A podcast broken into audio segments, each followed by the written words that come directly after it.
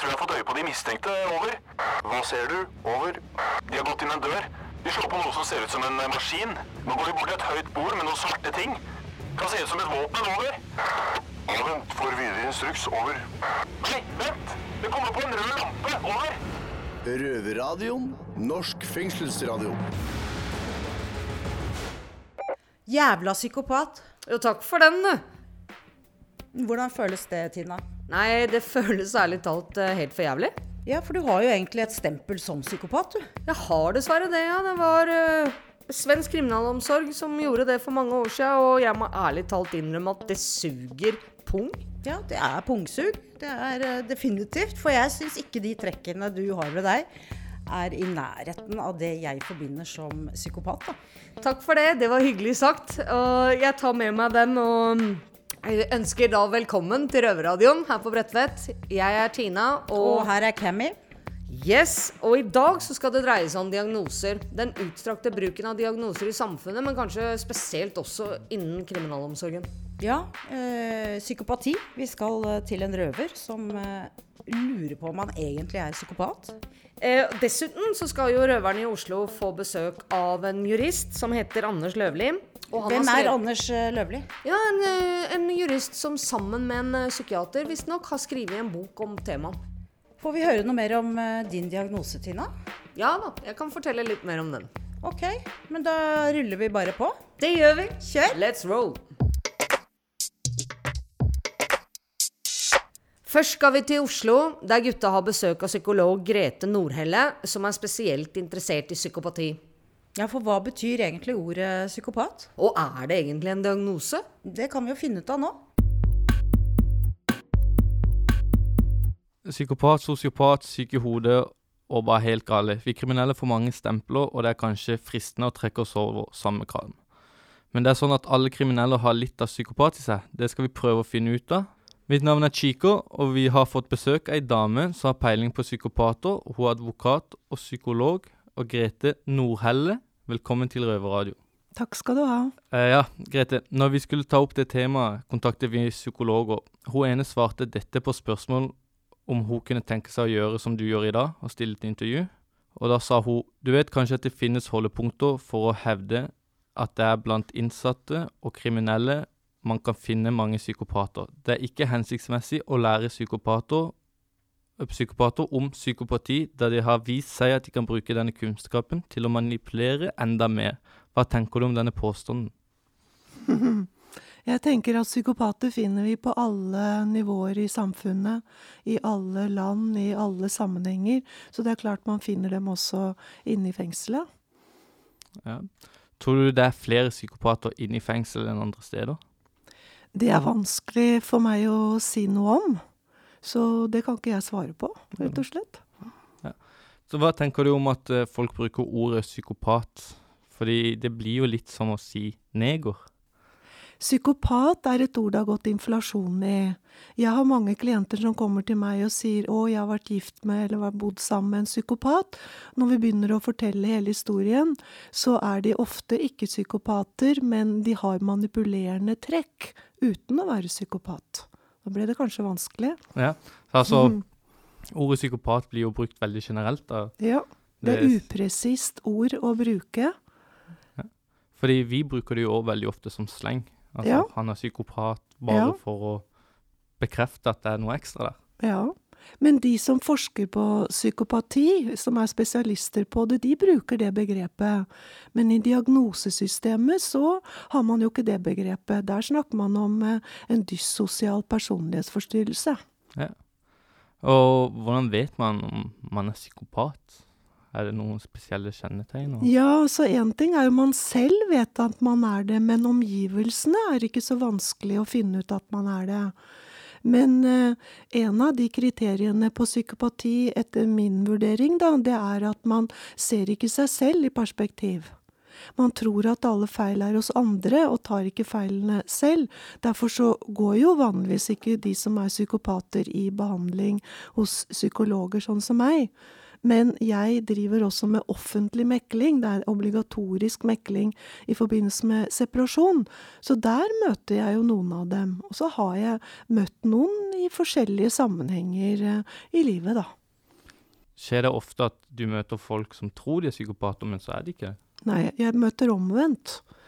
Folk som ikke tenker at de er psykopater, men som jeg kanskje tenker at det kan hende de har delvis psykopatiske trekk. Du vet, det trenger ikke å være 100 psykopati, det tror jeg ingen har. Eh, men vi kan ha prosenter av det alle sammen. Så når det begynner å bli ganske mange prosent, da begynner det å bli veldig krevende for omgivelsene med de menneskene, da, for de har jo ikke noe feil. Hvordan kan man avsløre en som er psykopat? Har du noe sånn konkret? Ja, altså du, du, du merker det jo når du vil noe annet enn de personene vil. Altså der hvor de vil ha kontroll og regi, det er en av nøklene for meg. De vil bestemme over andre mennesker også. Og hvis du tilpasser deg veldig til andre, så er de veldig tilforlatelige og hyggelige og greie. Men hvis du vil noe annet enn dem, og det er noe som står på spill for dem, så kan du få fram en annen side som ikke er veldig behagelig. Og det kan vi oppdage alle sammen. Men det er klart vi, kan, vi skal ikke for lett begynne å snakke om at noen er psykopat, men hvis vi ser det over tid, og det går igjen og det går igjen, altså at de er veldig rigide, veldig, de, de forandrer ikke på noen ting, det går ikke an å diskutere og forhandle seg fram til noe, for alt skal være på deres måte. Det er den eneste, eneste de aksepterer. Er det noen flere kjennetegn enn det? Fordi her inne så vil jo alle ha rett og ha sin mening, og alle skal tenke. Så Jo, det er klart at eh, du kan si grader av disse trekkene finner vi i alle mennesker. Dette at vi, vi, vi, vi tenker at vi har rett selv. Så eh, hvis du begynner å bli litt over normen, hvis du kan si ti stykker rundt tenker oi, oi, oi, det der er helt på siden. Altså det er utenfor eh, normalen av hva man skal ha rett i, som er helt feil. Og alle rundt tenker det der er feil. Da begynner vi å nærme oss noe annet. Kan du forklare oss veldig kort hva forskjellen på en sosiopat og psykopat er? For meg så de, definerer ikke det ene eller det andre. Jeg tenker at det er noe av de samme kriteriene, enten vi kaller det sosiopat eller psykopat. Så eh, jeg snakker om to forskjellige fenomener, som jo da ikke diagnosesystemene gjør, nemlig manipulerende atferd. Da vet du hva du driver med. Da lyver du. Og så får du det du vil gjennom å manipulere. Da trenger du ikke å ha noen psykopatdiagnose. Mange mennesker manipulerer, eller alle gjør litt av det. Men de som driver med veldig mye manipulasjon for å få akkurat det de vil, det er én type fenomen, som jeg kaller manipulasjon, som er bevisst, du vet hva du driver med. Det jeg kaller psykopati, da har du en virkelighetsforstyrrelse. Da er du ikke klar over at det du driver med, er litt på siden av virkeligheten. Altså, jeg vil si da at de som er sosiopater, det er mer i bare sosiale sammenheng. Altså, fordi en psykopat vil gjøre ting aleine. Ja, så jeg tenker når er det oppdager en som er psykopat eller sosiopat, det er jo når de gjør noe i forhold til andre mennesker som ikke er greit. Hvor går grensa mellom manipulasjon og psykopati? Ja, det går en overgangs... Det er en overgang mellom det. Du kan si veldig mange av de som er psykopater, de driver også med manipulasjon. Så de har begge fenomener. Men mange av de som driver med manipulasjon, har ikke psykopatiske trekk. Nei. Så, men eh, grensen mellom de to fenomenene, eh, der er det en glidende overgang. Du kan si en som manipulerer er veldig fleksibel og passer på å ikke bli oppdaget. En som er veldig ø, psykopat er veldig mye mer rigid, veldig, veldig krevende. Gå om og om igjen. Jeg sier ofte det hakk i plata. Samme hva du sier, så kommer det om igjen og om igjen og om igjen det samme. De forandrer ikke en milligram. Mens en som manipulerer, de vil forandre hvis de, hvis de begynner å bli oppdaget. Så sier de 'å nei, det var ikke sånn ment', og 'unnskyld'. Og så finner man nye strategier. Så de er veldig fleksible i forhold til det.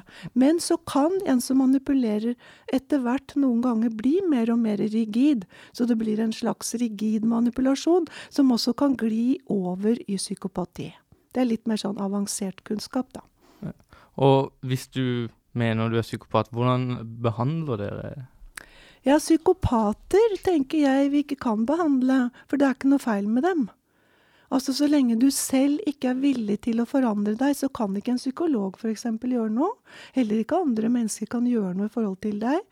Alle mennesker som ønsker å forandre seg, de kan forandre seg enten ved egen hjelp eller med støtte av noen som har litt profesjonell kunnskap, eller kloke andre mennesker.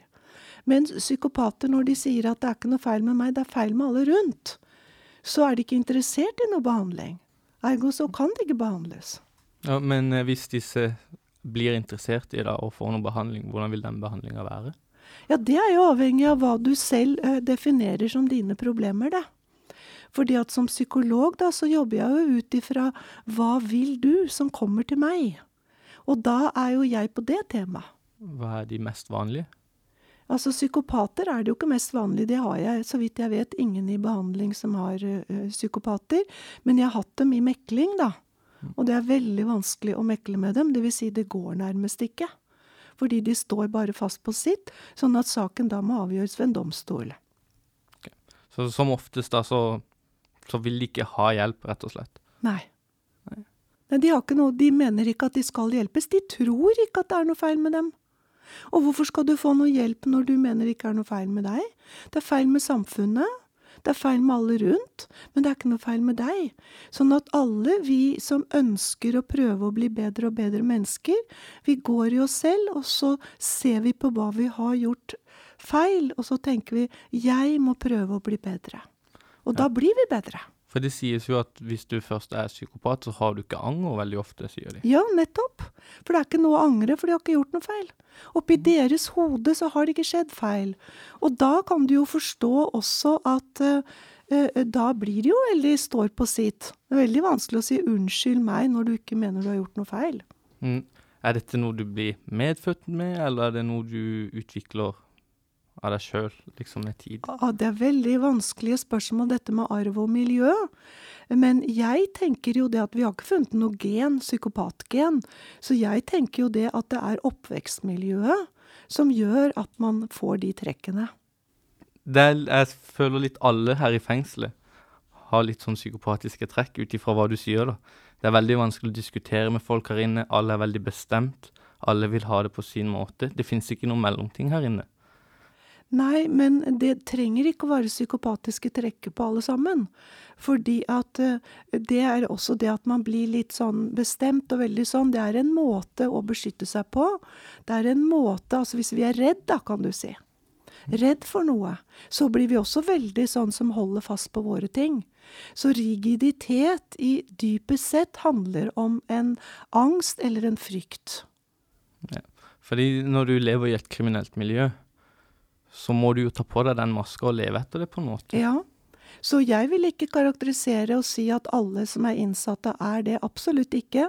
Men det er klart, hvis det er alvorlige forbrytelser man har gjort, så finnes det kanskje flere enn i normalbefolkningen som har psykopatiske trekk. Men det er ganske mange i normalbefolkningen som har det. Og mange av de som har psykopatiske trekk, de begår ikke kriminelle handlinger. Ja. Nei, så vi har mange utenfor også. Hva vil egentlig å bli diagnosert psykopat, hva vil det egentlig hjelpe personen som blir diagnosert? Det er mer for de andre, eller? Ja, det er mer for å forstå hva det gjelder. Sånn at man får, blir litt mer klar over at du kan ikke oppdra den personen.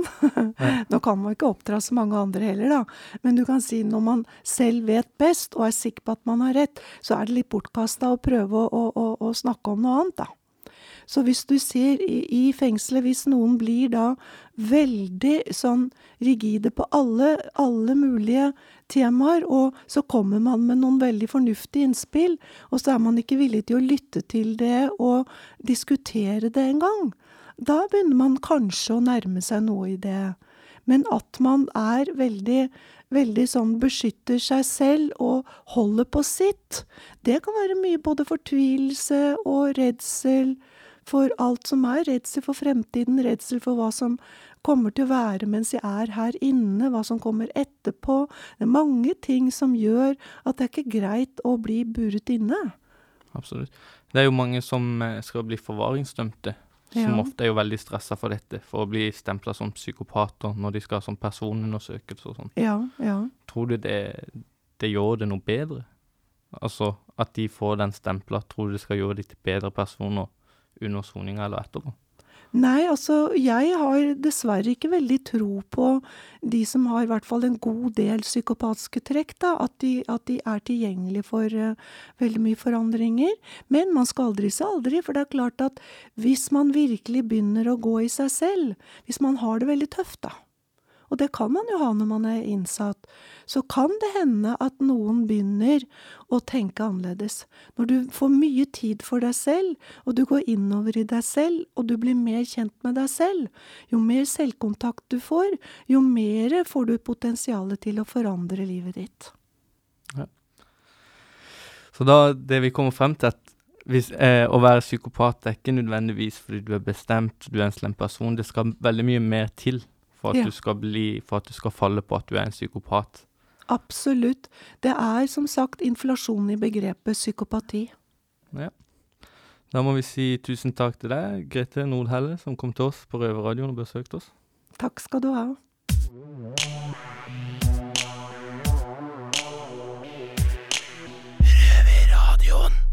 Jeg må ærlig innrømme at jeg ikke blei særlig klokere. Jeg syns det er fryktelig uhåndgripelig, hele begrepet. Så um, Det kan du si. Eh, Jeg sitter igjen med følelsen av at uh, ordet psykopat, det er jo ikke en eh, diagnose lenger.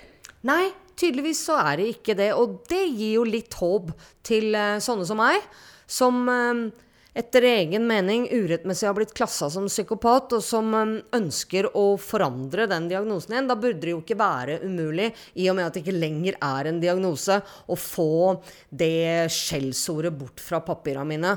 For det er jo et stigma uten like som jeg ikke ønsker å dra med meg rundt i livet resten av, resten av levetida mi. Det har du rett i. Men er det ikke sånn at hvis du forsøker å ta det stempelet vekk fra navnet ditt, at du da blir stempla som en psykopat fordi at du nettopp prøver det? Det er jo nettopp det som er litt av, Ja, ja, litt av paradokset her er jo det at uh, alt kan leses som at jeg igjen da prøver å manipulere, som Ja, du er sier. Sånn at uh, enten du gjør eller du ikke gjør, så er det Like gærent. Ja. Ja. et bevis på at du faktisk er psykopat. Det er ikke enkelt, dette her. Det, Det er helt klart. Men det ga meg godt håp at det ikke lenger er en, en anerkjent diagnose. Og så lenge både psykologer og psykiatere ikke engang kan enes om noe her, så burde det jo ikke være umulig å få fjerna det totalt. Jeg ønsker deg i hvert fall lykke til med den. Takk for den, Kamin. Nå skal vi over til Oslo og høre fra en røver der som eh, blir stilt en del spørsmål om han kjenner seg igjen i eller ikke mm, i en såkalt psykopatitest. Mm. Så kan du jo høre om det gjelder deg òg, som lytter. Unnskyld at jeg avbryter. David her, løslatt røver. Jeg Vil bare informere om at eh, røveren som tar psykopattesten, er anonymisert. Da er dere advart. Kjør! Dag har fått en sjekkliste om de fleste kjennetegnene på psykopater. Mitt navn er Chico, og jeg sitter her med en ny røver, Hassan, og skal finne ut av hva han kjenner seg igjen i på denne lista. Er du klar, Hassan? Ja. Da starter vi med overfladisk sjarm. Ja. Den kjenner du igjen i. Yes. Selvsentrerthet, eventuelt storhetssider om, om egenverdi. Er du ego? Ja, jeg vil si det. Kjedsomhet, stadig behov for nye impulser. Kjeder du deg mye? Nei, kjeder meg ikke mye, men det er stadig behov for nye impulser du har. Noen, noen ganger så tenker du hei, ja, jeg må gjøre noe. Så ja, Lyver du mye? det spørs. Det spørs. Ja, Hva spørs det på? Det spørs. Jeg lyver ikke til mine nærmeste, men det hender jeg lyver til liksom Lyver du ofte om småting? Ikke lyve, men ja, vi kan Du pynter på sannhetene. Ja. Ja. Du bløffer mye, manipulerer mye. Ja. Du Har du mye skyldfølelse og anger for ting du har gjort? Uh, delvis. Fordi du etterlater og får uh, de sivile da gått utover uh, som egentlig ikke har noe med det å gjøre, så har jeg det. Men ellers ikke. Hva med grunne følelser? Altså overfladiske følelser. Mm, ja. Ufølsomhet, manglende innlevelse i andres situasjon, verden. ja, du tenker mest på deg selv og de rundt deg. Du har veldig manglende innlevelsesevne i andres situasjon, hvor du bryr deg ikke. Du bryr deg ikke om andre. Oppfarenhet, lav aggresjonskontroll. Ja. Kort lunt, altså. Mm. Promisiøs seksuell atferd. At du puler mye. ja. Atferdsproblemer allerede for tolvårsalderen. Men jeg har alltid hatt problemer med bl.a. barnevern siden jeg har vært liten. Jeg har hatt, vært litt bråkmaker. Ja. Har du urealistiske planer for fremtiden? Det kan være urealistisk for deg, men det er ikke urealistisk for meg. Så ja. Så ja. Hvis du svarer ja, så er det urealistisk for deg òg. Ja, men for de andre så kan det være ja, men det er ikke det for meg. Ok. Impulsivitet. Ja. Uansvarlig foreldreatferd. Er du far? Nei. Da gjelder ikke den der. Hyppig ekteskap, samboerforhold. Har du Ja, gifter du deg fort? Du er vel ikke gift, men Nei. Pleier du å ha bytte dame ofte? Uh, ja, ja. Ja. Ungdomskriminalitet før du var 15? Ja. Bryting av prøvetid, gjentagelser av ulovlige handlinger som er domfelte. Yes.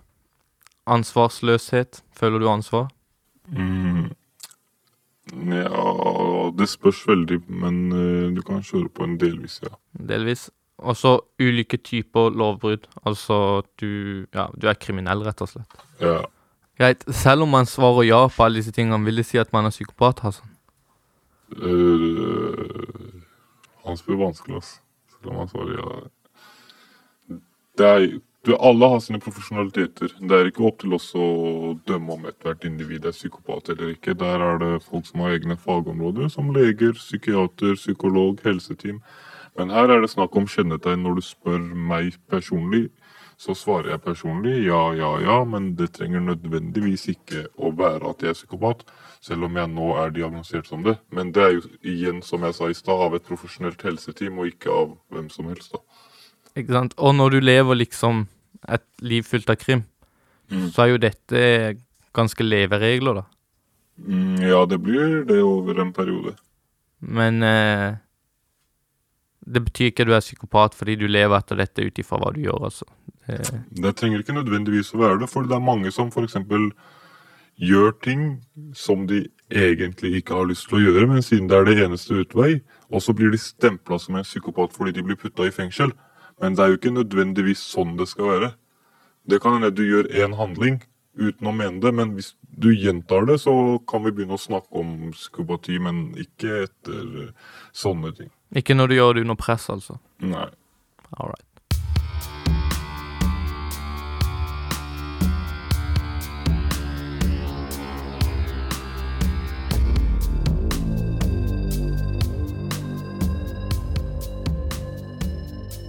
Ja, da har vi hørt denne testen, Kami. Er du psykopat? Du, vet du hva? Var det ikke ca. rundt en ti spørsmål? Og jeg må vel si at jeg kunne svare ja på tre av de. Bare tre? Bare tre, ja. Ja, ja. Men da har du vel psykopatiske drag, da? Noe jeg tror du deler med veldig store deler av befolkninga, i så fall. For de spørsmåla var det vel ingen som ikke kunne si ja til på et eller annet eh, tidspunkt. Ja, Det tror jeg òg. Mm. Men det er jo ikke noe tvil om at diagnoser har blitt viktig. Men er det sånn at uh, man må ha en diagnose for å få hjelp? Ja, det skal vi få høre mer om når vi nå setter over til eh, Oslo, der gutta har besøk av jurist Anders Løvli, som har skrevet en bok om diagnosens rolle i samfunnet.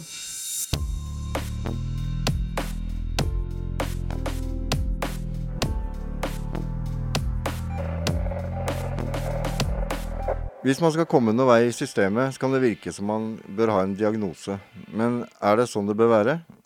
For å hjelpe oss med å finne ut av hvilken rolle diagnosen har fått i samfunnet, har vi fått besøk av jurist og eh, forfatter Anders Løvli. Velkommen. Takk for det. Takk for det. Eh, sammen med en psykiater har du skrevet en bok om møtet mellom juss og psykiatri. Eh, hvorfor vil du skrive en bok om akkurat dette? Nei, Det er det jo mange årsaker til. Det er jo mange tilfeldigheter i livet. Men en av de tilfeldighetene var at jeg av en eller annen grunn ble veldig opptatt av psykiateres rolle når det gjaldt farevurderinger i forvaringssaker for en del år siden. Og så undersøkte jeg i hvilken grad det var samsvar mellom hva, hva de mente om det å kunne forutsi om noen er farlige, da. Eller si om noen er farlige. I ulike sammenhenger. Og da viste det seg ut fra den undersøkelsen jeg gjorde, at de mente forskjellige ting avhengig av hvem de snakket til. Sånn at man kunne mene at dette var veldig vanskelig å fastslå når du f.eks. skulle lage en ny regel. Men det var veldig eh, lett å fastslå overfor enkeltpersoner i enkeltsaker osv. Så, videre. så det fanget min interesse. Men det som virkelig var foranledningen her, var at jeg var sekretær for det utvalget som ble nedsatt etter Anders Behring Bereivik-saken, og som skulle vurdere tilregnelighetsregler i norsk rett. Og Der var det jo et hovedspørsmål hvilken rolle de sakkyndige skulle ha. Eh, og hvilken hvilken eh, utforming man skulle gi regelen om strafferettslig utilregnelighet. Og om den da såkalt skulle være styrt av et medisinsk prinsipp eller ikke. Og et medisinsk prinsipp vil i praksis si at du knytter regelen om utilregnelighet til hvorvidt noen har en diagnose eller ikke. Mm. Okay. Eh, hvor reelle er egentlig de psykiske diagnosene? Altså Selve diagnosefastsettelsen er jo ekte nok, for den får du jo. Eh, og det er nok stor grad av konsensus om at eh, disse diagnosene på en eller annen måte sier noe om sjelslivet til folk. Men det er eh, samtidig også en del diskusjon knyttet til nærmere avgrensning av diagnoser. Og det er mye diskusjon knyttet til hva som forårsaker de ulike tilstandene når vi snakker om psykiske eh, diagnoser. Det er, eh, og det er så mye diskusjon at de sentrale diagnosemanualene man benytter seg av, ikke tematiserer årsaksspørsmål. De ser bare på liksom ytre symptomer, ting som viser seg for oss i verden, enten liksom gjennom ytre handlinger eller indre sjelsliv. Men begynner ikke å årsaksforklare dem, nettopp fordi det er uenighet knyttet til hva som er forårsaker ulike tilstander. Eh, etter din mening, hvor viktig har eh, diagnoser blitt i samfunnet, sånn som du ser det? Jeg tenker at diagnoser eh, benyttes jo først og fremst som et verktøy for kommunikasjon innad i medisinen. Og det handler om at man skal kunne kommunisere godt om en, hvilken tilstand man står ovenfor. Men så er det jo det at samfunnet gjennom sine lover og regler da, har begynt å benytte disse diagnosene som et sånn styringsverktøy ved å knytte rettsvirkninger til hvorvidt du har ulike diagnoser og, og ikke. da, ikke sant? Og F.eks. hele trygdelovgivningen i Norge er jo knyttet opp til diagnoser, egentlig. fordi inngangsvilkåret for å få en trygdeytelse er jo sykdom. Ikke sant? Og da må du jo ha en diagnose som plasserer deg inn under. Da. Sånn at uh, det har veldig veldig, veldig stor betydning i praksis. Og det er veldig veldig mange rettsregler som knytter an til psykiske tilstander, som igjen da på en eller annen måte må plasseres inn under en diagnose. Og eh, Det viser seg på all verdens områder. Altså du kan, eh, ja, hvis du har en alvorlig avvikende psykisk tilstand, så kan det være til hinder for at du får deg pass, det kan være til hinder for at du får deg våpen, det kan være til hinder for at du får, får jobbet i offshoreindustrien, tar deg jobb på oljeplattform. En rekke, rekke reguleringer som knytter an til det å ha en psykisk avvikstilstand, som da fastsettes gjennom å fastslås i en diagnose. Mm. Har, har, det blitt sånn at man gir ut diagnoser for å få maskineriet til å gå rundt, og ikke nødvendigvis av medisinske årsaker? Ja, Det vet ikke jeg så mye om, det er jo et empirisk spørsmål. Men utgangspunktet her er jo at det er medisinske kriterier. Og det handler om at medisinerne skal kunne kommunisere seg imellom. Og så knytter man an til det. Så det helt uh, klare forutsetningen her er at det ikke skal være som du spør om nå, altså bare noe man gjør for av hensiktsmessighetsgrunner.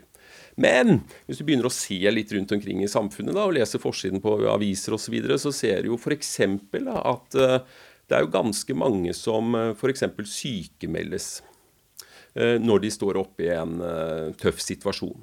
Det kan vi se. Mm. Og vilkårene for å få sykemelding er jo nettopp at du er syk. Det at du står i en tøff situasjon i livet som sådan, skal ikke være nok til sykemelding. Eh, men jeg vil gjette på at det er nokså mange fastleger, og jeg er ikke den eneste som gjetter på det, altså, som sier at noen er syke og finner en passende diagnose. Eh, nettopp for, at man kunne få en sykemelding i en tøff fase i livet. Eh, og da legger man jo dypest sett diagnosene på strekk, som du sier, da, for å få maskineriet til å gå rundt. ikke sant? Det passer seg ikke at han går på jobb nå. ikke sant? Og, så, og så legger man det på strekk. Og det er jo dypest sett veldig, veldig, veldig alvorlig.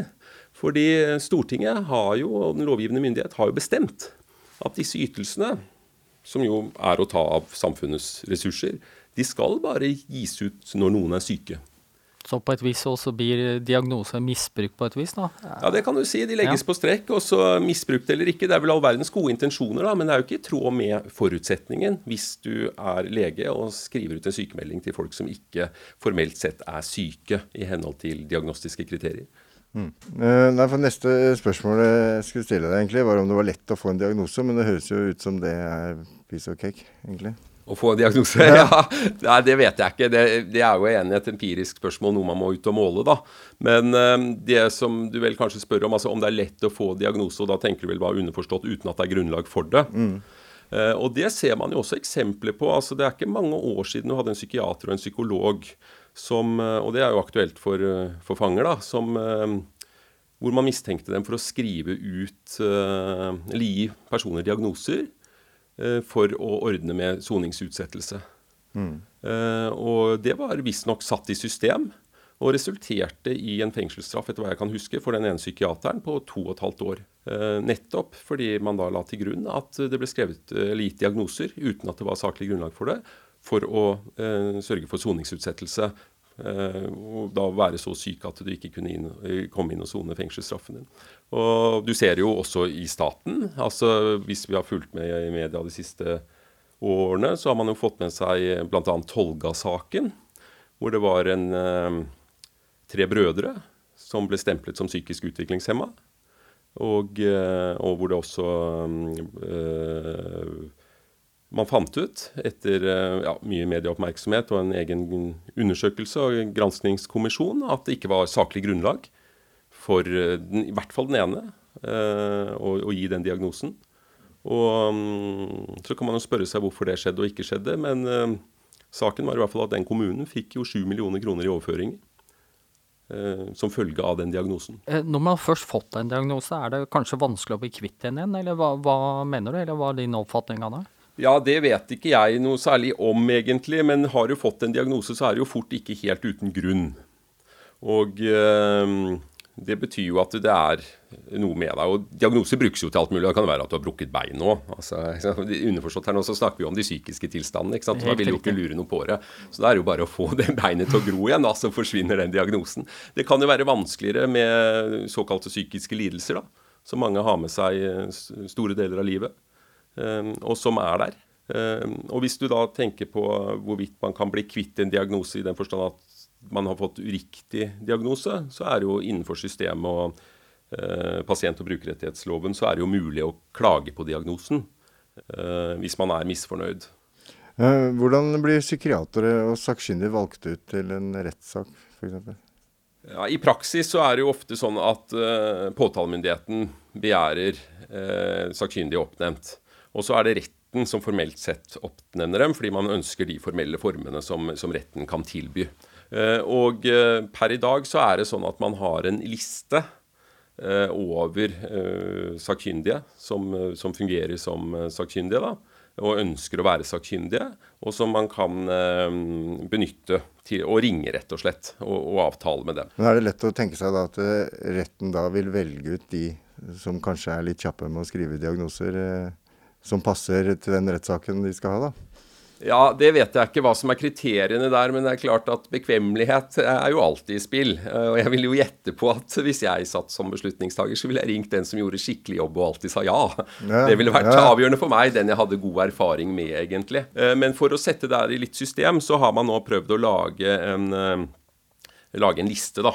Hvor folk som ønsker å fungere som sakkyndige, og da presumptivt vil jo da også få mer erfaring, ikke sant. Eh, og så, og så eh, kan man sette seg på den listen, og så benytter man den. Men det er ikke noen kvalitetssikring i og for seg for å komme på den listen. Tiltalte, har den noe tilgang til den lista, eller er det kun eh, Ja, Den lista ligger på nettet, tror jeg. Så det, Jo, men det er ikke noe sånn at som tiltalt så får du en liste, liksom, og du kan liksom plukke ut noen du vil ha Nei, skal men altså, forsvareren din skal jo ivareta dine interesser under hele saken. Og det er jo retten som oppnevner, og retten vil ikke oppnevne uten å høre med påtalemyndigheten og, og forsvareren og, og siktede, da. Mm. Hvem man ønsker, og om man har noen motforestillinger osv. Så videre. sånn dette skjer jo ikke i et, rent, i et vakuum. Det skjer jo i eh, liksom innenfor rammene av straffeprosessen.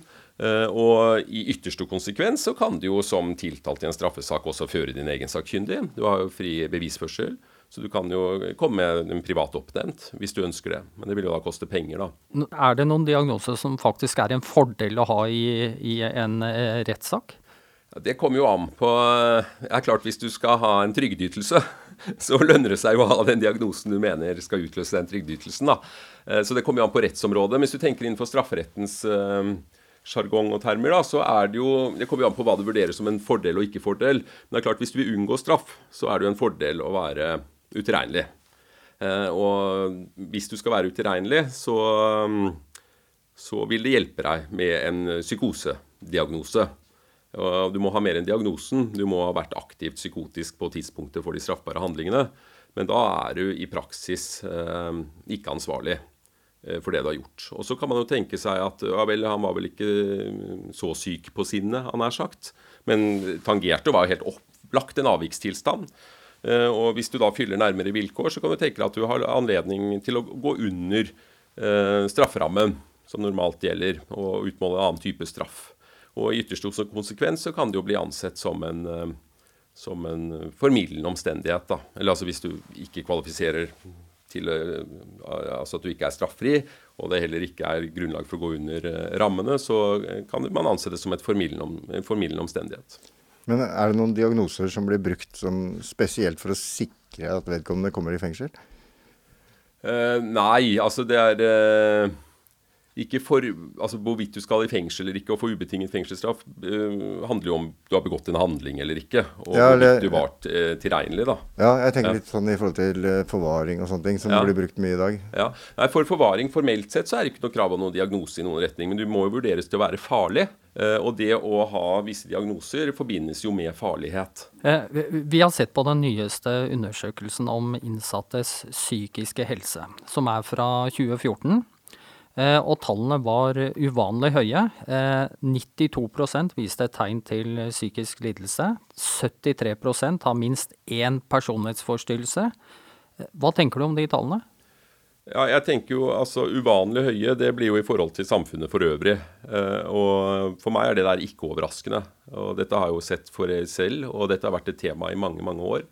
Og Personlig så syns jeg det er en skam at man ikke i større grad tilbyr helsetjenester i fengselet for å ta hånd om denne gruppa. Så det er jeg overhodet ikke overrasket over. Har du sett det gjennom de årene du har vært her som forsvarer? at uh ja, jeg har jo fungert som forsvarer eh, noen år, og har jo da også sett det. Jeg har vært på eh, gamleavdeling G på Ila, bl.a., hvor det har sittet veldig veldig syke folk eh, uten noe egentlig tilbud.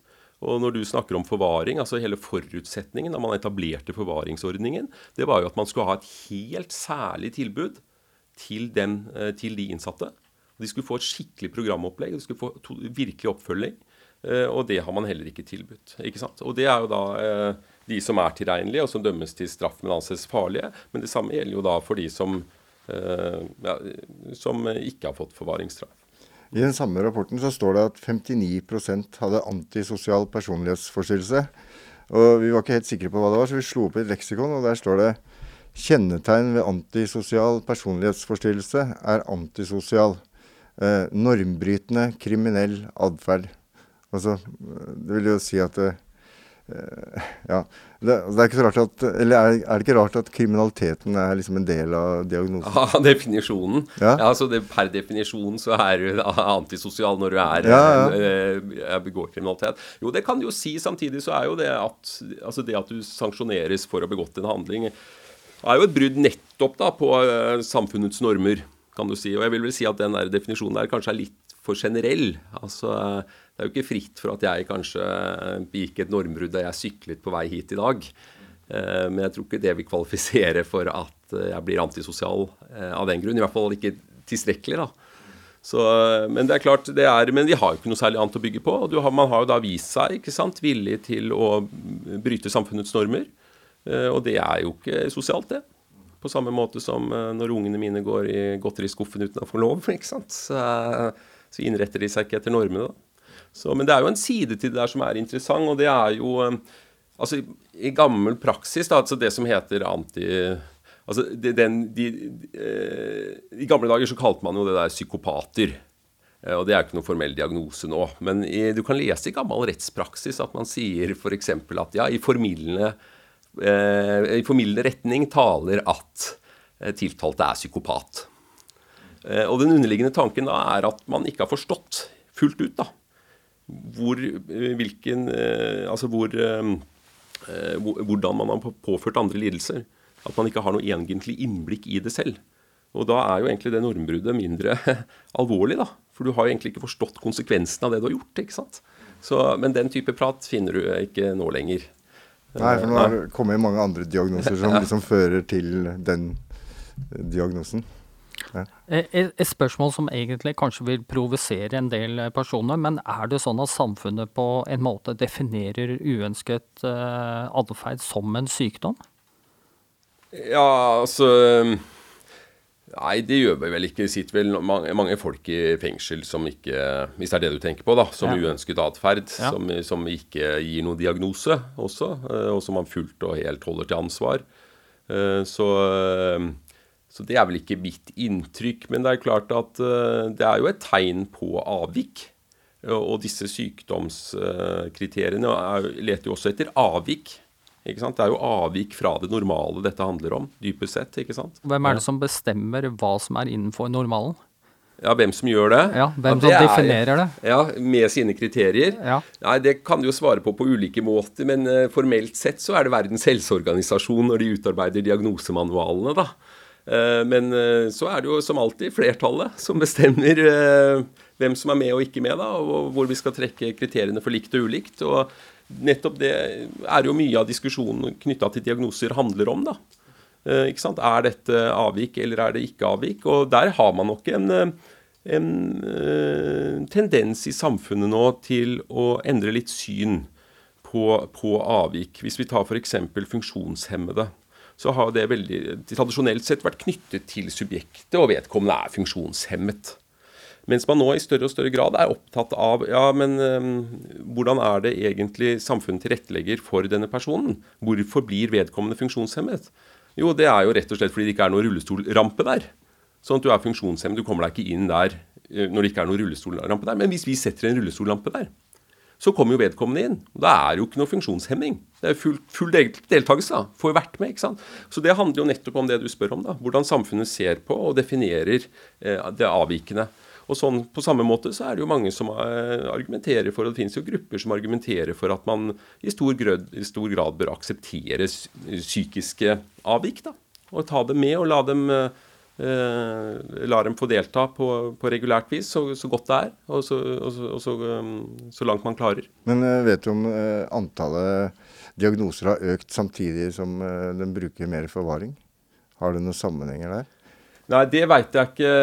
Det vet jeg ikke om det er noe korrelasjon der. Men, men det vet jeg ikke. Hvor mange er som har forvaringsdom nå? 130 eller noe sånt? eller? Ja, jeg, vet du, jeg er ikke helt sikker sjøl, jeg. Jeg, jeg tror det er rundt der. Ja, rundt 130. Ja. Men det handler nok i større grad om at vi lever i et samfunn som er mindre og mindre villig til å akseptere risiko vil jeg tenke. Altså at det, det farepotensialet som man tidligere aksepterte, eh, det er man ikke på samme måte villig til å akseptere eh, hvis det er en eh, økning i bruk av forvaring. Det vil jeg gjette på. Som ja. en mulig forklaringsmodell, i hvert fall. At samfunnet er rett og slett, rett og slett at vi har mer sykkelhjelmer og bruker mer barnebelter og, i, i, bilen. Og, og rett og slett vil være tryggere. Det vil jeg kunne gjette på er en forklaring der. Mm. Det har ikke noe med at de ikke får noe gjennomslag med lengre dommer og sånt noe. At de bruker forvaring som en slags forlengelse av straffa, rett og slett? Altså, I utgangspunktet så var jo Det har jeg ikke sett nærmere på, men i utgangspunktet så var jo forvaring tenkt for korte dommer. Altså Hvis du hadde lang dom, så håndterte vi deg eh, på den måten. Så man skulle ikke ha forvaring, med mindre du hadde veldig kort ubetinget fengselsstraff, egentlig, og man anså det til å liksom være farepotensialet utover det. Så det var, det var, forutsetningen da man lagde den nye forvaringsordningen. Pluss at man skulle ha dette særlige innholdet. da. Men så har jo praksis vist seg annerledes. da. Og det er jo at du får forvaring i kombinasjon med veldig lange dommer. Uh, så, um, men det, ja, det, er vanskelig å årsaksforklare hvorfor det skjer. Men underliggende tanken og utgangspunktet her var at forvaring som var forbeholdt der hvor rett og slett fikk en så kort straff at det var ikke nok, da, tenkte man, til å uh, til at nei, ja, ikke ble eh, At man anså deg som farlig, da. Mm. Eh, fordi du ikke fikk det tilbudet fengselet kunne gi deg over tid.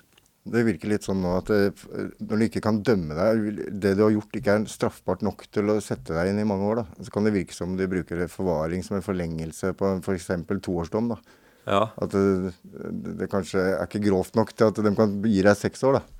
Nei, sånn, ja. ja. At det blir som en sånn sanksjonsstraffskjerpelse. Ja, det er i tilfelle ikke riktig. Eh, Nei. Sånn skal det ikke være. Altså Vilkåret her er jo at du skal vurderes til å være farlig. Eh, Og du skal vurderes ikke, ikke sant? Du skal være farlig nå, altså når du får dommen, og du skal være farlig på løslatelsestidspunktet. Sånn at man ikke har nok samfunnsvern. Det er de sentrale vurderingskriteriene for forvaring. Eh, Så, men som jeg sa, da, altså den underliggende tanken var jo nettopp at det var de der to, fire, femårsdommene hvor man egentlig tenkte seg dette.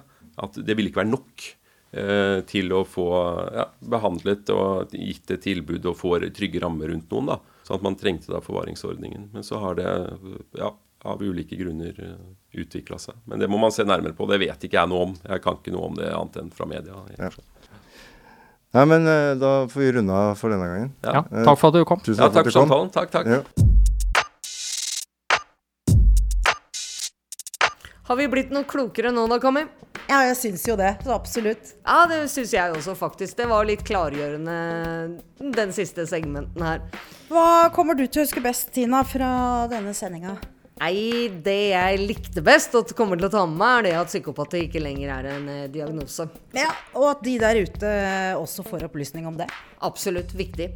Eh, hva skal du gjøre når vi kommer opp på cella, da? Jeg skal inn på mitt stillerom. Og du? Nei, jeg har tenkt å tu- ta meg en tur ned i kirken og spille litt piano. Ja, Bråk og støy. Det Ja, ja, er bra balanse, det. That's the way I roll, you know. Yes, I know you. Greit, kontraster må til. Da sier vi takk for oss her på Bredtvet, og du kan høre oss som alltid på, NRK P2 på søndager. Klokka P2. P- P2 klokka 20.30, halv ni, eller på podkast når og hvor du vil. Ha det! Ha det! Det har vært stille fra over en time. Hva skjer? Over. Det er bare et radioprogram. Det er lettere å høre på dem der. Over. Ja, vet du når det går, da? Over. Det er samme tid og samme sted neste